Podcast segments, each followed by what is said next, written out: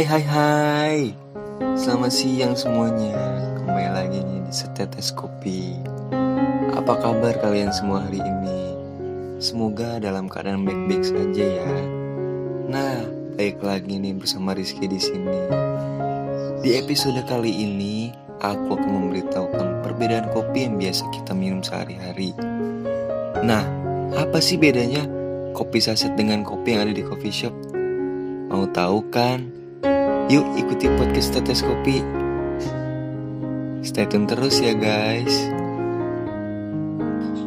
Hmm, tapi nih ngomongin masalah perbedaan kopi saset dengan kopi kedai kopi atau yang ada di coffee shop, kalian udah tahu belum sih apa aja bahan-bahan yang dibutuhkan di dalam coffee shop maupun di kopi saset biasanya? Yuk, kalau belum tahu, ikuti konten aku di satu ini. Nah, guys, kali ini udah gak asing lagi kan dengan yang namanya kopi saset. Kopi saset itu adalah kopi yang biasa kita minum atau kita konsumsi sehari-hari. Mulai dari kopi saset yang menggunakan gula ataupun yang menggunakan susu, guys. Nah, mungkin dari kalian sering nih bertanya-tanya, apa sih bedanya kopi saset dengan kopi biji asli? Nah, perlu kamu ketahui ya ya guys, kopi saset itu adalah kopi yang mengandung campuran serbuk jagung dengan perbandingan 70% serbuk jagung dan 30% kopi bubuk guys. Nah, kopskuy, kopi saset juga menggunakan bahan-bahan kimia agar bisa bertahan lama tentunya sampai satu tahun atau dua tahun ke depan. Nah, itu sering bisa kita bilang adalah menggunakan bahan pengawet. Kopi saset sendiri nih guys, sangat berbahaya bagi lambung. Apalagi nih, kopinya menggunakan gula. Kenapa sih kok bisa sangat berbahaya untuk lambung? Nah guys, jadi begini. Saat si kopi berketemu dengan si gula, akan ada yang namanya pencampuran rasa. Sampai mengeluarkan rasa asam yang terjadi dalam lambung. Bedanya dengan kopi hitam yang tanpa gula, bagaimana tuh? Oke, baik.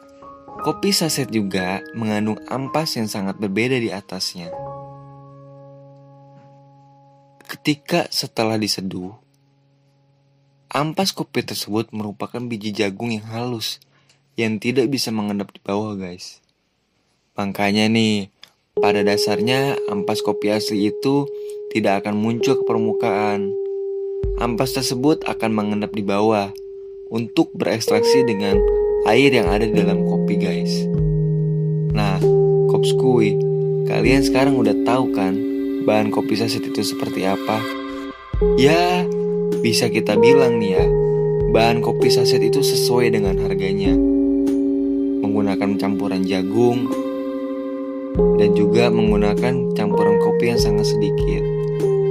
Tapi ini ya guys, dengan harga yang segitu mungkin kalian udah bilang nikmat untuk diminum. Tapi menurut penelitian sih bagi aku kurang ya guys. Karena kenapa? Kopi saset itu mengandung bahan kimia guys. Yang mungkin bisa dibilang kurang sehat untuk kesehatan tubuh. Nah, terus nih, bagaimana dengan kopi asli? Nah, untuk kopi asli sendiri atau biji kopi yang ada di coffee shop itu merupakan biji kopi alami guys yang langsung dipetik oleh petani kopi. Nah, ini nih, pada dasarnya biji kopi yang baru dipetik oleh petani masih berbentuk cherry kopi atau masih dibilang ada kulit kopinya guys. Proses yang ada pada cherry kopi ini sangatlah panjang. Nah, ketika si cherry kopi ini baru dipetik guys, cherry kopi tersebut harus diproses menggunakan dua metode, yaitu metode basah dan juga metode kering. Tapi kita hanya pilih salah satu ya guys, nggak boleh pilih dua-duanya, karena nanti rasanya akan bentrok untuk rasa yang akan dihasilkan. Nah, kopskui, kita bahas satu-satu nih ya. Untuk metode metode basah, ceri kopi harus dibuka terlebih dahulu. Tujuannya untuk menghilangkan getah dari kulit luarnya, guys. Nah, sebelum masuk ke tahapan berikutnya, biasanya para petani memisahkan ukuran biji kopi yang telah dikupas dari kulitnya. Ini nih guys ya. Kalau untuk melepaskan biji kulit kopinya, mungkin itu ada beberapa petani yang langsung melepaskan dan juga ada yang langsung menggunakan kulitnya tanpa melepaskan si biji kopinya dari kulitnya itu. Tujuannya untuk mengeluarkan getah dari kulit kopinya guys. Nah, masuk ke proses selanjutnya nih ya guys. Dalam metode basah ini terbagi menjadi dua proses lagi guys. Ada semi wash dan juga full wash. Proses semi wash ini proses untuk menghilangkan lendir yang ada di biji kopi dengan menggunakan karung selama 12 jam sampai 24 jam. Nah, guys, pada proses ini biji kopi akan terkupas dengan sendirinya. Nah, proses semi wash ini membutuhkan waktu yang sangat panjang, guys. Karena biasanya proses semi wash ini biasa digunakan untuk espresso. Setelah disimpan di dalam karung, guys, kemudian lendir kopi tersebut akan hilang dan membuat si biji kopi terasa kesat. Setelah itu, mulailah proses penjemuran. Proses penjemuran ini adalah proses mengurangi rasa asam pada kopi, sehingga rasa yang akan dibutuhkan lebih pada ke body kopi, atau bisa dibilang kopi yang sangat tebal rasanya. Nah, body kopi ini yang biasa disebut adalah rasa pahit pada kopi dan akan terasa begitu legit. Maka dari itu proses Miwesa lebih diperuntukkan untuk espresso.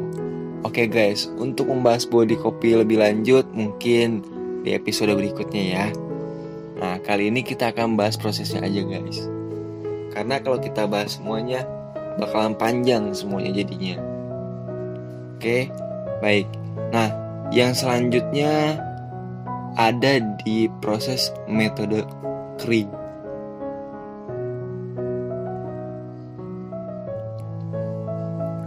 Nah, Kopskui, di metode kering ini adalah metode di mana pengeringan rata-rata membutuhkan waktu sekitar 3 sampai 4 minggu, guys.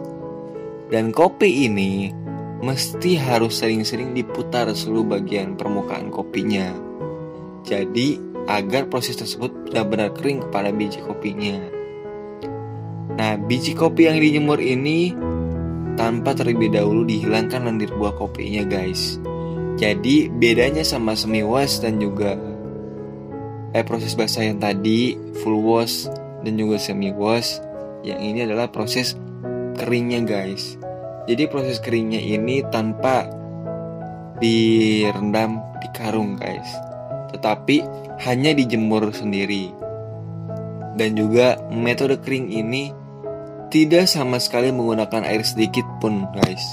Sesuai dengan namanya ya, metode kering tanpa menggunakan air. Beda dengan metode basah yang harus menggunakan air dengan cara dicuci secara berkali-kali. Gitu, guys. Nah, di dalam metode kering ini ada dua proses lagi nih, guys. Ada proses honey proses dan natural proses. Nah, kita bahas satu lagi ya guys. Untuk proses honey proses sendiri, setelah panen, buah kopi dikupas tanpa melibatkan air. Artinya, si biji kopi ini akan dikeluarkan dari kulitnya guys. Nah, pengupasan biji kopi ini tersebut akan menghasilkan kopi yang sangat masih berlendir. Nah, Kemudian biji kopi ini dijemur untuk mendapatkan rasa manis yang ada di, di dalam lendir tersebut. Jadi ketika silindir meresap ke dalam biji kopi, nah di situlah proses pengeringan terjadi. Karena silindir kopi tersebut akan kering dengan sendirinya dan meresap ke dalam bagian biji kopi. Itu untuk mendapatkan rasa manis pada kopi guys.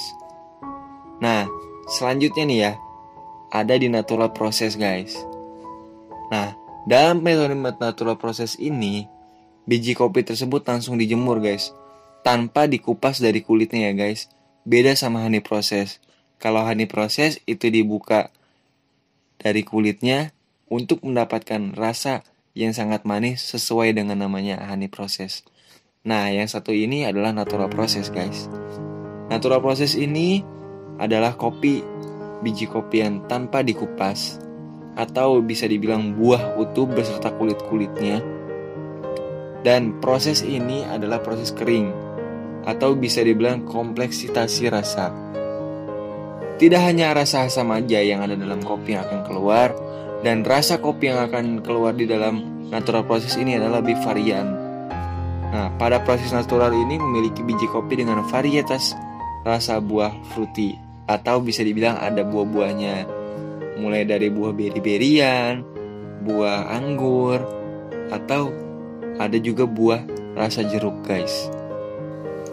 Nah guys, untuk made natural proses ini harus diperhatikan guys, mulai dari kulit kopinya sampai ke buah kopinya. Apakah sudah kering dan sudah menempel pada kulit dan Proses selanjutnya adalah proses memecahkan kulit tanduk kopi atau bisa dibilang mengupas kulit kopi.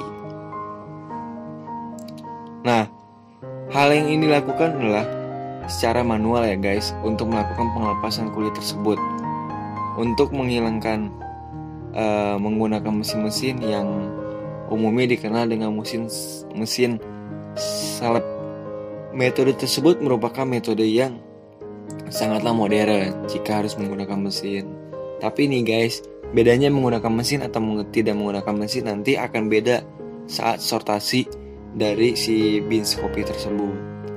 Nah, setelah biji kopi yang tadi sudah melalui proses pengeringan dan pengupasan kulit kopinya, akan ada namanya proses selanjutnya, yaitu adalah proses green bean.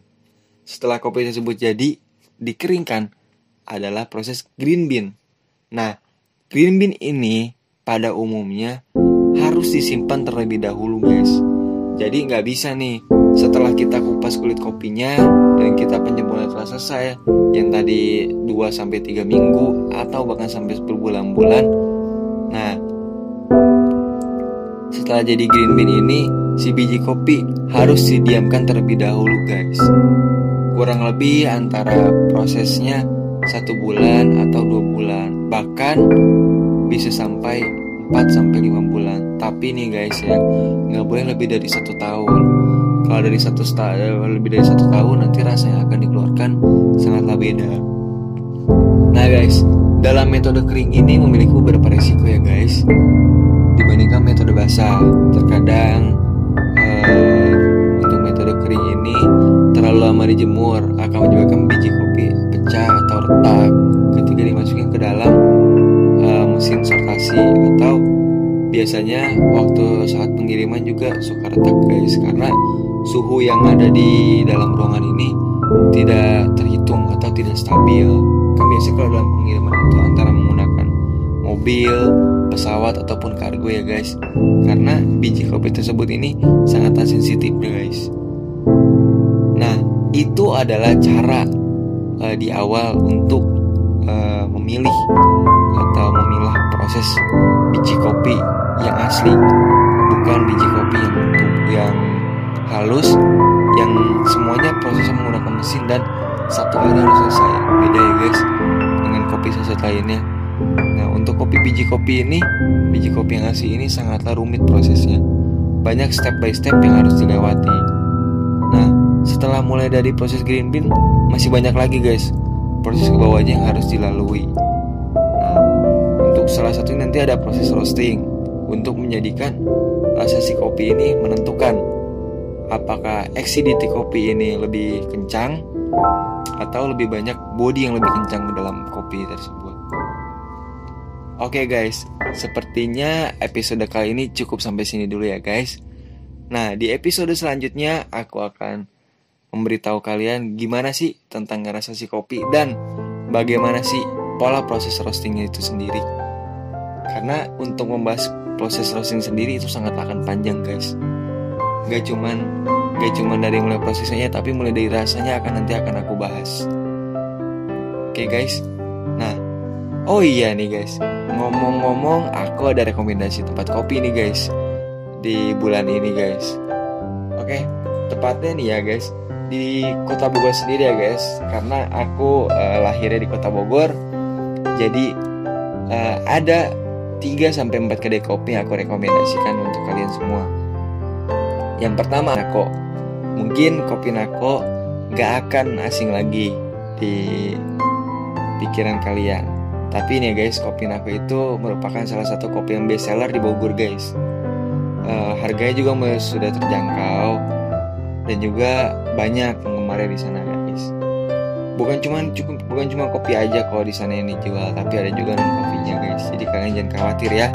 Untuk yang tidak bisa uh, minum kopi. Nah selanjutnya ada di Kawan Baru guys. Itu satu deretan sama Nako. Nah Kawan Baru ini uh, baru didirikan atau baru dirilis di uh, awal di tahun 2020 ini.